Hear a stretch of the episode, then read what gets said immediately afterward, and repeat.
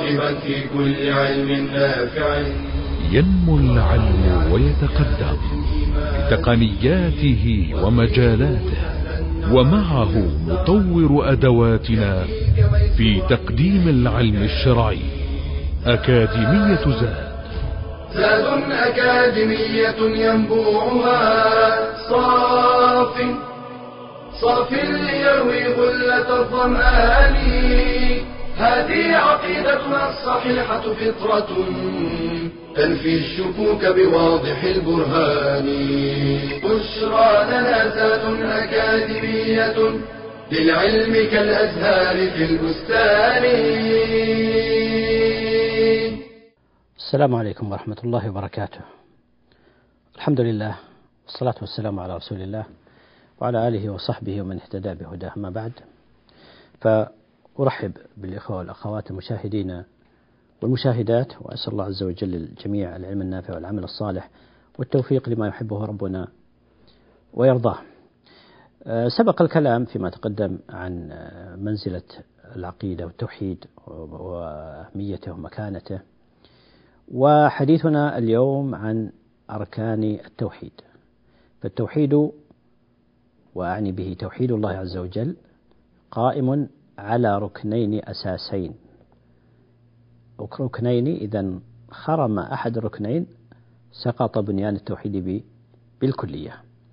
الركنان هما النفي والإثبات. النفي والإثبات. وعليها عليهما تدور نصوص الكتاب والسنة.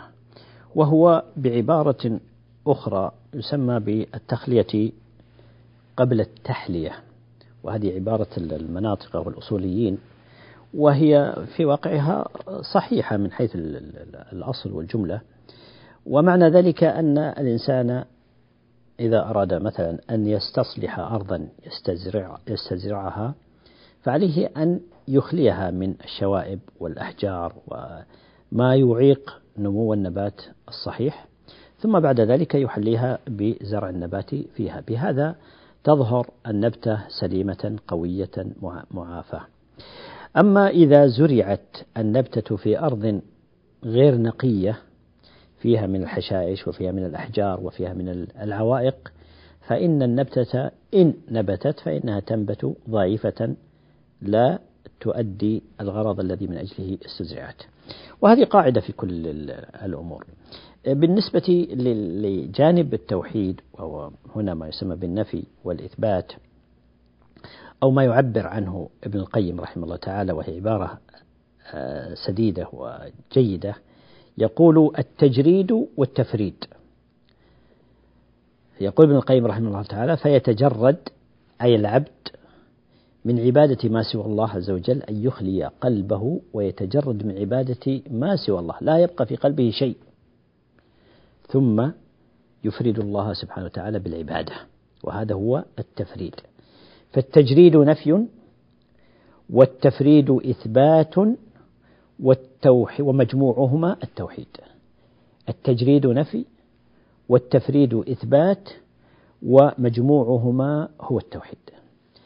يقول الشنقيطي رحمه الله تعالى يقول تحقيق معنى لا إله إلا الله وهي مركبة من نفي وإثبات فمعنى النفي منها خلع جميع المعبودات من دون الله سبحانه وتعالى غير الله عز وجل كائنة ما كانت في جميع أنواع العبادات ومعنى الإثبات هو إفراد الله سبحانه وتعالى وحده بجميع أنواع العبادات بإخلاص على الوجه الذي شرعه الله تعالى على ألسنة رسله صلوات الله وسلامه عليهم. وعليه كما تقدم فإن من اكتفى بإثبات استحقاق استحقاق الله تعالى للعبادة دون أن يعتقد اعتقادا جازما ببطلان تأليه ما سواه من المعبودات واعتبارها باطلة فإنه بهذا لم يحقق التوحيد المنجي النافع عند الله سبحانه وتعالى. ولا تحصل له النجاة بذلك. وكذلك كل من نفى الألوهية مطلقا فهذا تعطيل محض فهو لم يحقق التوحيد بل لا بد من نفي وإثبات. وكل من يعرف اللغة العربية يعرف أن الأسلوب الموجود في كلمة التوحيد لا إله إلا الله هي هو الذي يحقق النفي والإثبات ويتطلبهما جميعا. يحقق النفي والإثبات ويتطلبهما جميعا. وهناك نصوص شرعية أفادت هذا المعنى. فسرت التوحيد بالنفي والإثبات وهي نصوص كثيرة جدا. مر معنا أكثرها ونشير إلى شيء منها في هذا المقام. في قول الله عز وجل ولقد بعثنا في كل أمة رسولا أن يعبدوا الله واجتنبوا الطاغوت. فالإثبات هنا هذه الآية فيها نفي وإثبات. الإثبات في قوله تعالى أن يعبدوا الله والنفي في قوله تعالى واجتنبوا الطاغوت وهو كذلك في قول الله عز وجل واعبدوا الله ولا تشركوا به شيئا فهو أمر بعبادة الله عز وجل وهذا إثبات ونهي عن صرف العبادة لغير الله عز وجل فجمعت الآية بين النفي والإثبات لتحقيق التوحيد. ومن الأمثلة على ذلك أيضا من الآيات في قول الله عز وجل ألا تعبدوا إلا الله ألا تعبدوا إلا الله. ففيه النهي عن عبادة غير الله عز وجل والأمر بعبادته وحده لا شريك له. وهذا هو تفسير لا إله إلا الله. تفسير لا إله إلا الله فسرته هذه الآية ألا تعبدوا إلا الله جمع بين نفي وإثبات. النفي فقط تعطيل وليس بتوحيد والإثبات فقط لا يمنع الاشتراك فهو لا يعد توحيدا ولا يكون التوحيد توحيدا إلا إذا اجتمع النفي والإثبات. نفي عبادة ما سوى الله عز وجل وإثبات العبادة لله عز وجل. وفي قول إبراهيم عليه السلام إنني براء مما تعبدون إلا الذي فطرني. براء مما تعبدون نفي إلا الذي فطرني. فهذه الآية أيضا هي في تفسير التوحيد نفي وإثبات. براء مما تعبدون هو نفي العبادة مطلقا عبادة ما سوى الله عز وجل إلا الذي فطرني إثباتها لله عز وجل. وفي هذا يقول الله عز وجل قد كانت لكم أسوة حسنة في إبراهيم والذين معه إذ قالوا لقومهم إنا براء منكم ومما تعبدون من دون الله كفرنا بكم وبدا بيننا وبينكم العداوة والبغضاء أبدا حتى تؤمنوا بالله وحده حتى تؤمنوا بالله وحده. فهذه الآية هي تفسير واضح وتفصيل للتوحيد فلا يتحقق. التوحيد إلا بالبراءة من المعبودات جميعها دون الله عز وجل وإثبات العبادة لله عز وجل. فلا بد من البراءة والإثبات. البراءة من جميع المعبودات وإثباتها لله عز وجل. وجاءت الأحاديث آه، في في في بيان هذا المعنى أيضا كما في قول النبي صلى الله عليه وسلم من قال لا إله إلا الله وكفر بما يعبد من دون الله دخل الجنة كما في صحيح مسلم. من قال لا إله إلا الله فهذا إثبات.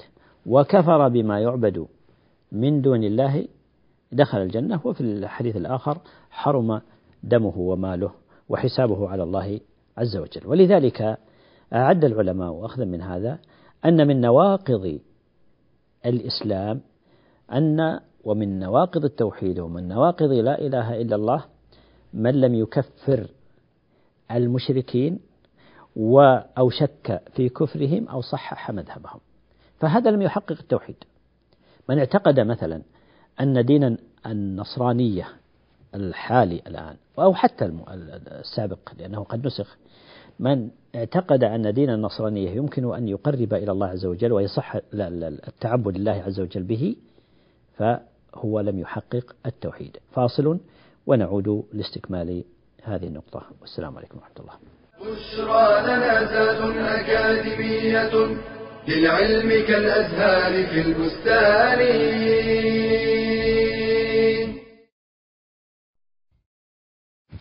يا أيها النبي قل لأزواجك وبناتك ونساء المؤمنين يدنين عليهن من جلابيبهن. ذلك أدنى أن يعرفن فلا يؤذين. وكان الله غفورا رحيما. الحجاب شعار المؤمنات وزي العفيفات الطاهرات. وتحبيب الفتاة في ارتدائه سهل يسير لكنه يحتاج إلى بضع خطوات منها أن يبدأ الوالدان مع ابنتهما في التزام الحجاب بالتدرج منذ الصغر. فقد تتشكل لديها مع الوقت قناعات خاطئة تصعب معالجتها. أن يغرسا في ابنتهما نبتة المراقبة والخشية ويرسخا في ذهنها أن الله يرضى عن المرأة العفيفة المحتشمة المطيعة لأوامره أن يظهر إعجابهما بالحجاب وذلك بالحديث عنه كثيرا أمامها مع ذكر صفاته ومحاسنه. الحرص على أن تصاحب لبنة الفتيات الصالحات المحجبات فالصحبة الصالحة لها أكبر الأثر في السلوك والأخلاق. أن يمنح الوالد الأم فرصة اصطحاب ابنتها لدروس العلم وحلقات القرآن إذ ينبغي أن تكون محجبة أثناء ذلك مما يعودها ارتداء الحجاب. استخدام الهدية والمكافأة التشجيعية وإعلام الفتاة أن المكافأة الكبرى إنما هي في تحصيل مرضاة الله تعالى. بشرى لنا أكاديمية للعلم كالأزهار في البستان. السلام عليكم ورحمة الله وبركاته. أكرر الترحيب بالإخوة المشاهدين والمشاهدات.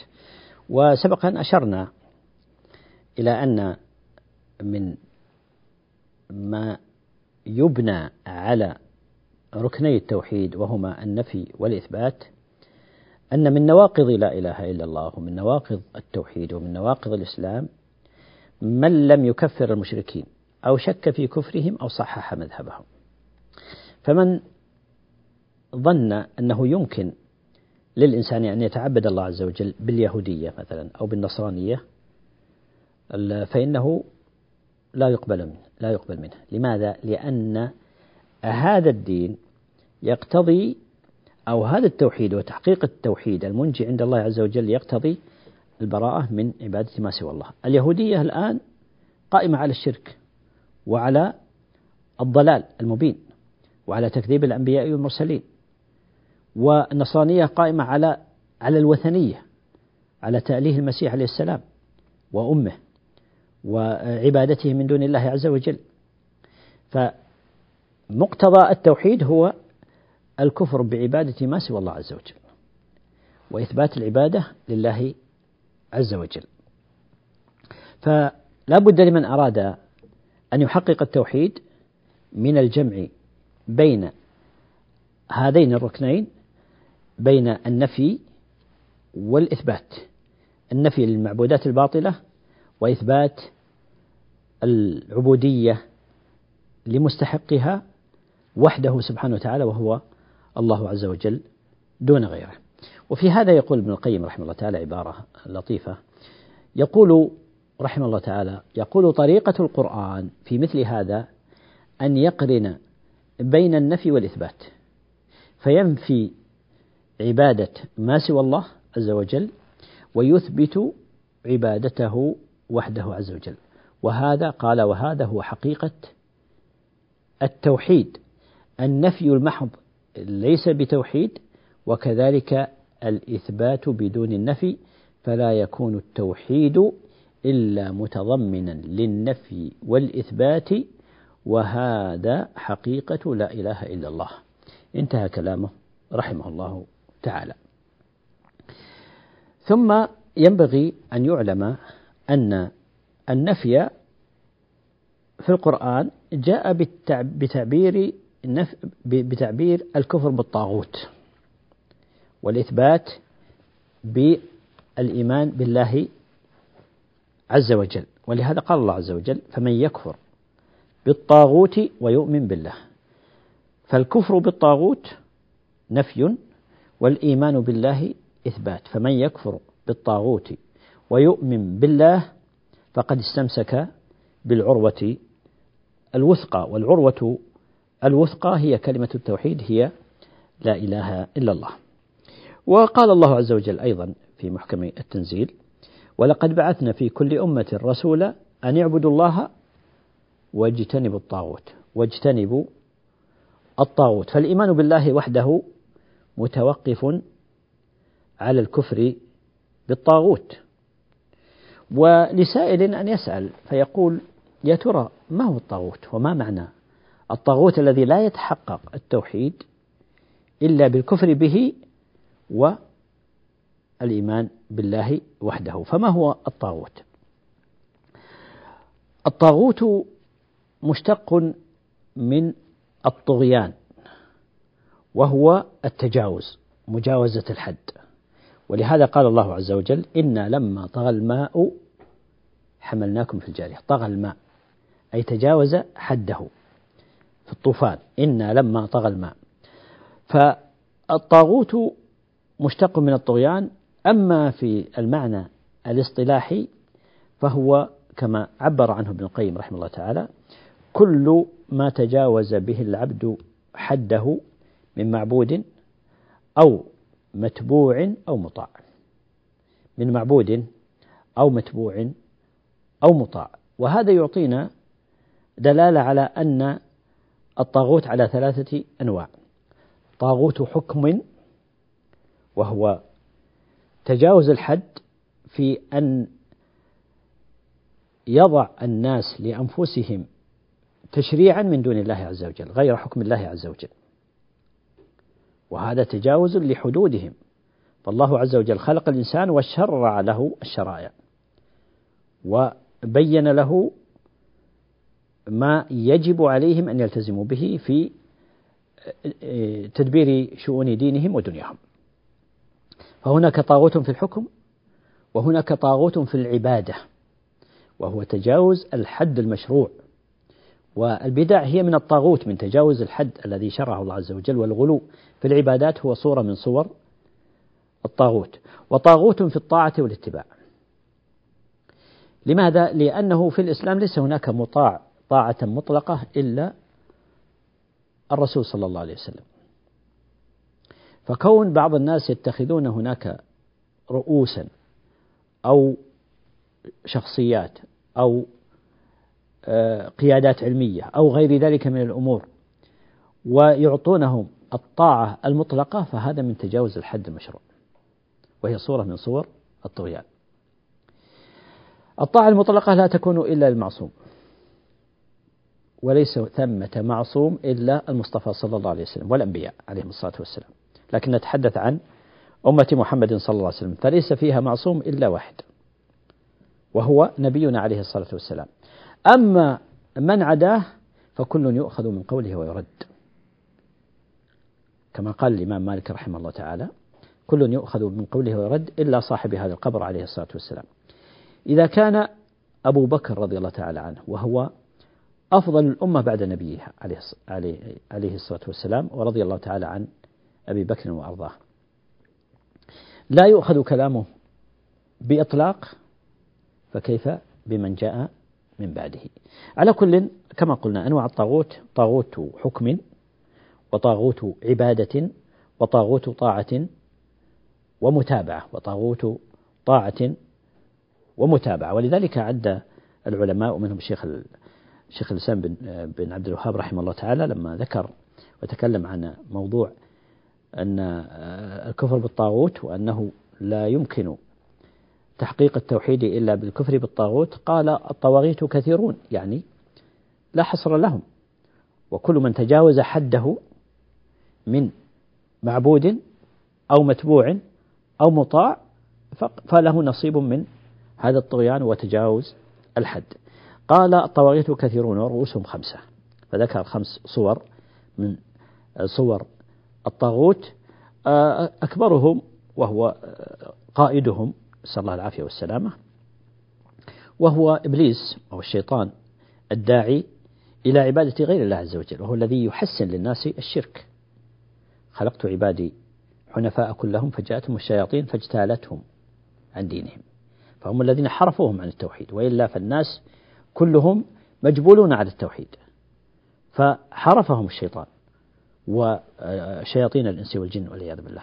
فالشيطان الداعي إلى عبادة غير الله عز وجل وهو الذي يعني ألزم وأوجب على نفسه وأقسم على إغواء بني آدم وصدهم عن التوحيد. لا يرضى إلا أن يخرجوا من الملة. نسأل الله العافية والسلامة فهو طاغوت بهذا المعنى وهو رأسهم.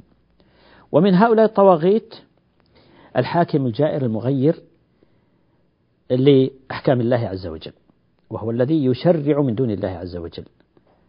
يشرع للناس أحكاما يلزمهم بها غير ما أنزل الله عز وجل وغير ما ألزم الله سبحانه وتعالى فهو تجاوز حده إلى أن جعل له حق التشريع من دون الله عز وجل وهذا هو من الطغيان ومن الطاغوت والتجاوز الحد. ومع هذا الذين يحكمون أو الذي يحكم بغير ما أنزل الله عز وجل. وهو الذي يقر هذا الحاكم المشرع بغير ما أنزل الله عز وجل فيحكم بالتشريع الوضعي ويدع ويترك تشريع الكتاب والسنة الذي أنزلها الله سبحانه وتعالى. وكذلك من هذه الطواغيت الذي يدعي علم الغيب والذي يعبد من دون الله عز وجل وهو راض. هذه رؤوس الطواغيت وإلا فهم كثر فاصل ثم نعود لاستكمال الحديث. والله تعالى أعلم. والسلام عليكم ورحمة الله وبركاته. بشرى لنا أكاديمية للعلم كالأزهار في البستان.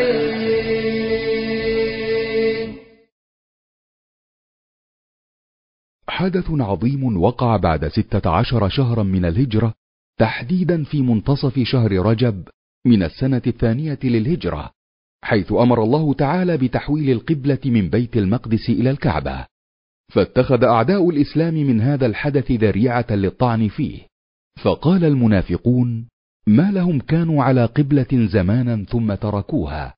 وقال اليهود لو ثبت محمد على قبلتنا لاتبعناه.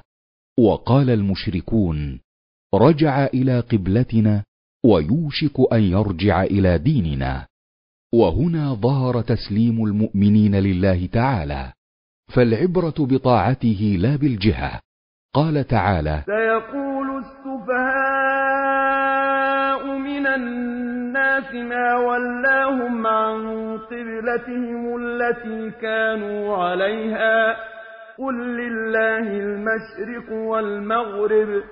يهدي من يشاء إلى صراط مستقيم. إن المشرق والمغرب لله فلماذا يعترضون على توليتكم قبلة داخلة تحت ملكه؟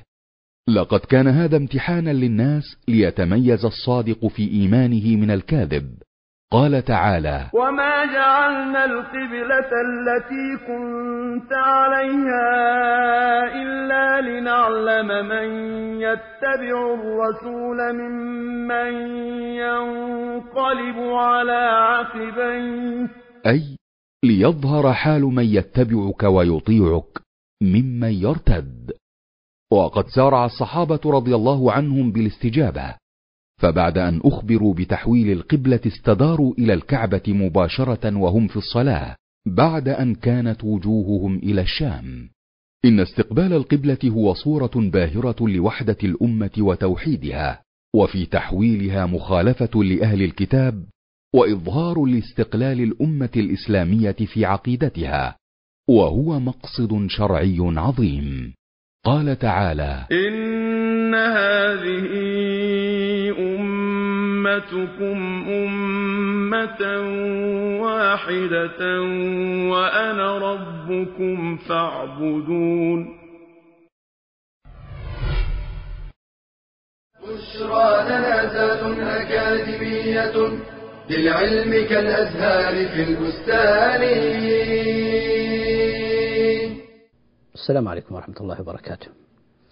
ذكرنا أن التوحيد لا يقوم إلا على ركنيه على النفي والإثبات على النفي نفي عبادة ما سوى الله عز وجل وإثبات العبادة لله عز وجل وهذا مقتضى لا إله إلا الله. وهو بالتعبير القرآني الكفر بالطاغوت هو الإيمان بالله عز وجل. من الخلل في تحقيق التوحيد وهو مبني على عدم الكفر بالطاغوت ما يشاع ويطرح بين الفينة والأخرى على ألسنة من يدعون الحرية أو يدعون إلى الحرية والليبرالية وغيرها من الإطلاقات والعبارات التي تستهوي الناس ويعني يستحسنونها ولا يعرفون ما وراء الأكمة من مخاطر. من ذلك على سبيل المثال هي ما يدعى في قضية ويطرح باسم حرية الاعتقاد. فقانون حرية الاعتقاد أو الدعوة إلى حرية الاعتقاد هذا فيه معنى عدم الاعتراف بالكفر بالطاغوت لماذا؟ لأنه يلزم من ذلك إذا قلنا بالناس أحرار في اعتقاداتهم فيما يختار الدين الذي يراه ويتعبد بما شاء فمعنى ذلك أنه لم يحقق الكفر بالطاغوت فهي حرية تعطي الحق لمن شاء أن يعبد الله بما شاء في الوقت الذي تمنع الآخرين من الاعتراض عليه أو رد باطله أو بيان أن هذا باطل لا يجوز. ولا شك أن هذا مصادم لعقيدة التوحيد والتي آكد أركانها عبادة الله تعالى وحده لا شريك له والكفر بما يعبد من دون الله عز وجل وهو الكفر بالطاغوت الذي يوجب على الموحد إعلان البراءة من الكفر وأهله وهذا هو الحق المبين. نعم. لا شك أن الإنسان حر في ما أذن الله سبحانه وتعالى له فيه من الأمور التي لا يترتب عليها الإضرار بنفسه ولا الإضرار بالآخرين. فالإسلام آه، ضمن الحرية للمسلم في ماله وفي تصرفه وفي حياته ولكن هذه الحرية ليست مطلقة وإنما هي منضبطة بضوابط الشرع. بالضوابط التي تحقق المصلحة للفرد نفسه وللمجتمع. والله عز وجل هو الذي خلقنا ويعلم ما يصلحنا ويعلم ما يفسدنا. ولذلك أذن لنا وأعطانا المشيئة والاختيار والحرية فيما لا يترتب عليه إضرار لا بديننا ولا بدنيانا ولا ب بما يتعلق بالآخرين. وليس هناك يعني في الوجود وفي القوانين حتى الوضعية ليس هناك حرية مطلقة. حتى الذين ينادون بالحرية ويجعلونها شعارا وصنما يدعون إليه وينادون به ليس هناك أي قانون في الأرض يعطي الحرية المطلقة للفرد وإنما هي حرية منضبطة بضوابط. والمصلحة تقتضي تقييد هذه الحريات بما لا يترتب عليه الضرر والمفسدة.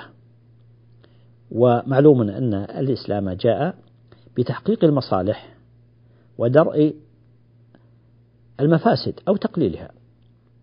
ومن ذلك قضية حرية الاعتقاد التي نتحدث عنها لأنها تطرح كثيرا في واقعنا الآن والواقع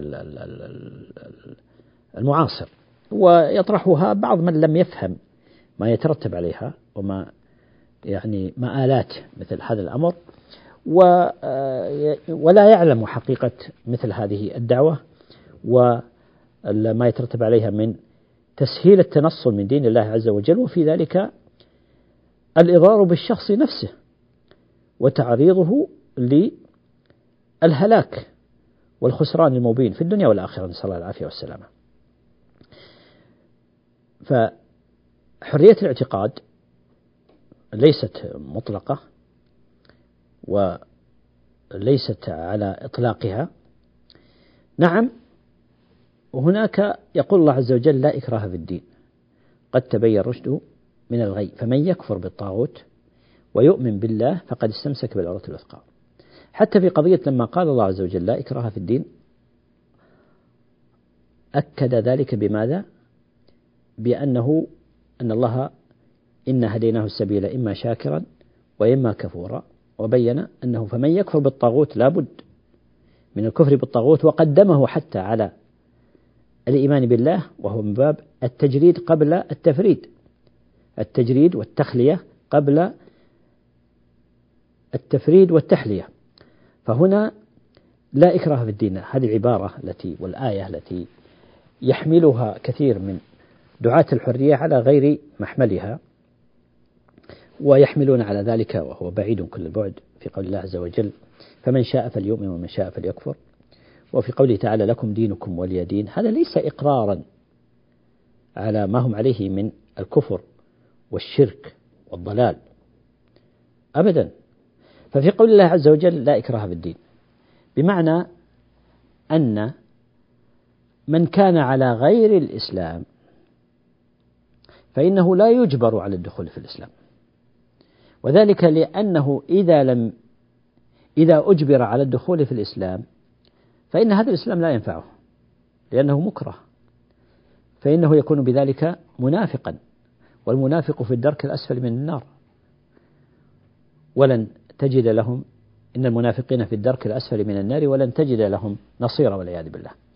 ولهذا شرع الله عز وجل عدم إجبار الناس على الدخول في الإسلام وإنما يعلمون وتبين لهم محاسن الإسلام ويزال عنهم جميع العوائق التي تحول بينهم وبين الإسلام مهما كانت هذه العوائق. ثم بعد ذلك لا إكراه في الدين. ومعلوم إن أنه إذا أزيحت العوائق التي تحول بين الإنسان وفطرته فإنه لا محالة سيقبل الحق ويدخل في الإسلام طواعية من أجل أن ينجو عند الله سبحانه وتعالى. ولهذا شرع الله سبحانه وتعالى عجب عدم إجبار الناس على الدخول في الإسلام إذا كانوا غير مسلمين وإنما يعلمون وتبين لهم محاسنه ولا يجبرون. وهذا هو معنى قوله تعالى لا إكراه في الدين. وفي هذا يقول الله عز وجل أفأنت تكره الناس حتى يكونوا مؤمنين؟ لكن من كان مسلما وعرف الحق فليس له من حقه أن يغير دينه.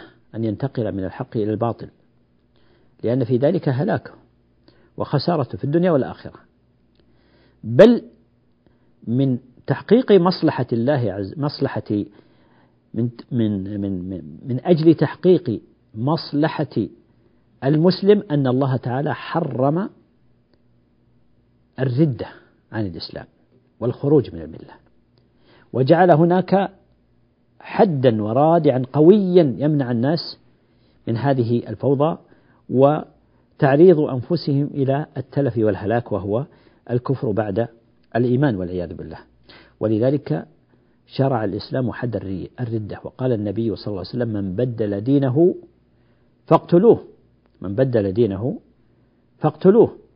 وكذلك من كان على دين باطل وأراد أن يغيره فإنه ليس من حقه أن يغيره. نعم يقر على دينه وتؤخذ منه الجزية عن يد وهو صاغر إذا أصر على البقاء على دينه حتى يفتح الله عز وجل على قلبه ويدخل في دين الله طواعية ومن غير إكراه. ولهذا قال الله عز وجل قاتلوا الذي قال الله تعالى قاتلوا الذين لا يؤمنون بالله واليوم الآخر ولا يحرمون ما حرم الله ورسوله ولا يدينون دين الحق ولا يدينون الدين الحق من الذين أوتوا الكتاب حتى يعطوا الجزية عن يد وهم صاغرون. فهذا ما يتعلق بمسألة حرية الاعتقاد وبهذا نكتفي ونختم هذه المحاضرة. أسأل الله عز وجل للجميع أن يثبتنا على دينه وأن يرزقنا الاستقامة عليه والثبات عليه والفقه فيه وأن يثبتنا بالقول الثابت في الحياة الدنيا وفي الآخرة. إنه ولي ذلك والقادر عليه والله أعلم. وصلى الله وسلم وبارك على نبينا محمد وعلى آله وصحبه أجمعين. تلك العلوم دروسها ميسورة في صرح علم الراسخ الأركان. بشرى لنا بشرى لنا بشرى لنا ذات أكاديمية. للعلم كالأزهار في البستان.